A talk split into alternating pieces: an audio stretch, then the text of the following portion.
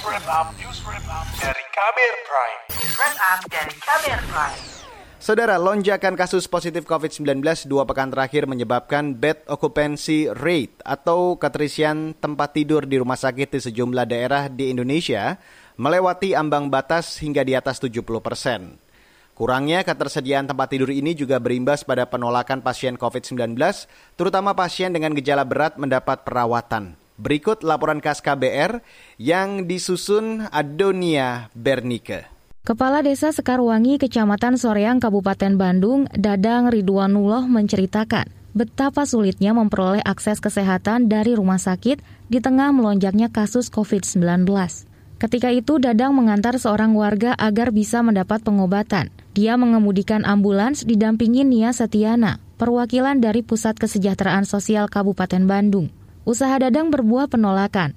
Rumah sakit yang disambangi tak menerima pasien dengan alasan ruangan telah penuh pasien corona. Dadang sudah mendatangi empat rumah sakit berbeda, tapi hasilnya nihil.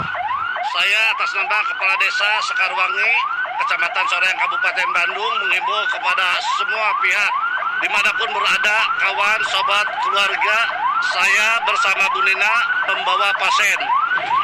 Pertama saya membawa ke rumah sakit Soreang penuh. Kedua ke Santosa penuh. Ketiga saya ke rumah sakit Immanuel juga penuh. Keempat saya ke Hasan Sadikin juga penuh. Penuh, penuh. Sekarang penuh. Covid, Covid, Covid. Hati-hati kawan, Rumah hati-hati Sakit kawan. Seluruh Indonesia Persi membenarkan saat ini rumah sakit di Indonesia kewalahan menerima pasien COVID-19.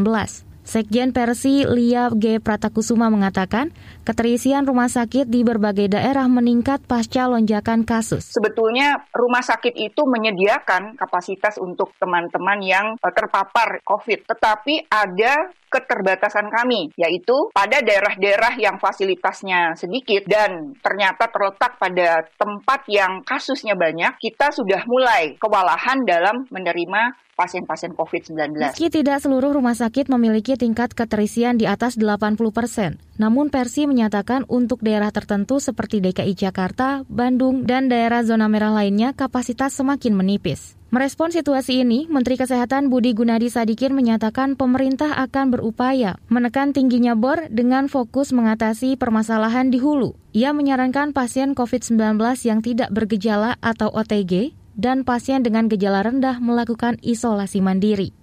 Yang diisolasi dan memiliki gejala, khususnya dia ada komorbid, khususnya saturasinya di bawah 95%, khususnya sudah mulai sesak, itu dibawa ke rumah sakit. Tetapi yang tidak, lebih baik diisolasi mandiri atau diisolasi terpusat, agar tidak terekspos terhadap konsentrasi virus yang tinggi yang ada di rumah sakit, dan juga bisa membebaskan rumah sakit untuk benar-benar merawat orang-orang yang sudah sedang dan gawat. Menteri Kesehatan Budi Gunadi Sadikin juga mengatakan pihaknya akan berkoordinasi dengan TNI dan Polri untuk mengelompokkan pasien isolasi mandiri, isolasi terpusat, atau rumah sakit. Menanggapi hal itu, Hermawan Saputra dari Ikatan Kesehatan Masyarakat Indonesia IAKMI mengatakan, tingginya kapasitas rumah sakit dan rendahnya upaya testing adalah dua masalah yang mesti segera dicarikan solusi. Namun ia tak sepakat jika kebijakan yang diambil pemerintah adalah menyarankan isolasi mandiri bagi pasien COVID-19 yang tidak bergejala. Isolasi mandiri, kata dia, justru bisa jadi bumerang lantaran tidak semua pasien memiliki rumah yang layak. Selain itu, pasien yang terpapar virus corona juga rentan melakukan kontak dengan anggota keluarga lainnya. Dia menyarankan pemerintah memberdayakan masyarakat untuk meningkatkan fasilitas isolasi mandiri, sambil tetap meningkatkan kapasitas rumah sakit rujukan bagi pasien COVID-19.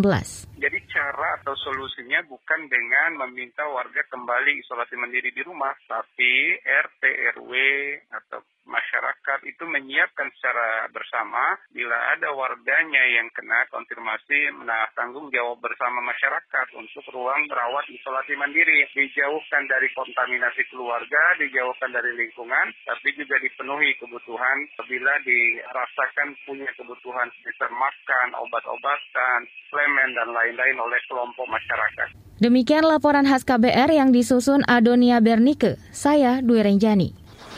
Kamu baru saja mendengarkan news wrap up dari Kabir Prime. Dengarkan terus Kabir kamirprime.id, podcast for curious mind.